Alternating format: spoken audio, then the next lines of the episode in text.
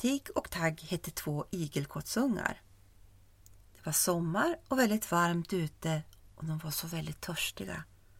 De längtade så efter mjölk. Men hur skulle de få tag på det?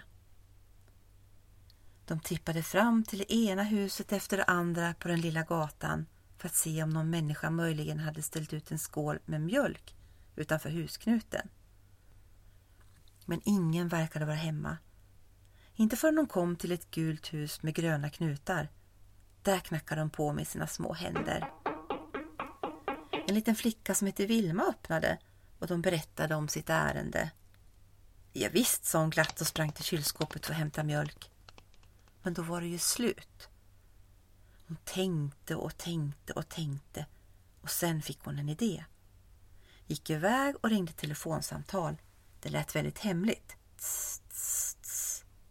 Vänta här, sa hon till igelkottarna. Och strax därefter så backade upp en stor tankbil på gården. Ingen fattade någonting, förutom Vilma då. Farbröderna i bilen började dra ut en lång slang till den uttorkade dammen som fanns på gården. Och gissa vad? Jo, ut kom massor av mjölk från slangen och fyllde hela dammen. Den blev alldeles vit. Varsågoda, sa Vilma och sträckte ut med händerna. Två små pigga igelkottsungar skyndade till dammen och blev så lyckliga. Där stod de och sörplade i sig mjölk och släckte törsten. Men ta det lugnt, sa Vilma. Det ska räcka hela sommaren och igelkottar kan få ont i magen av för mycket mjölk, hur gott det än är.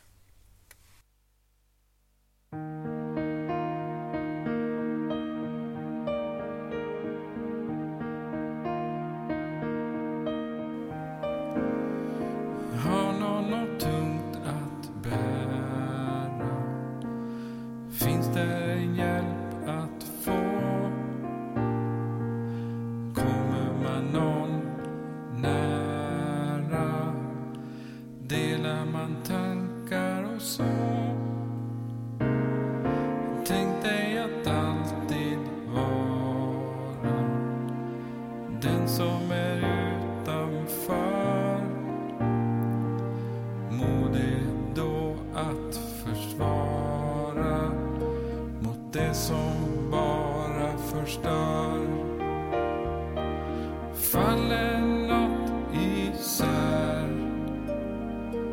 hjälps åt att bygga åter Har du något fint att säga?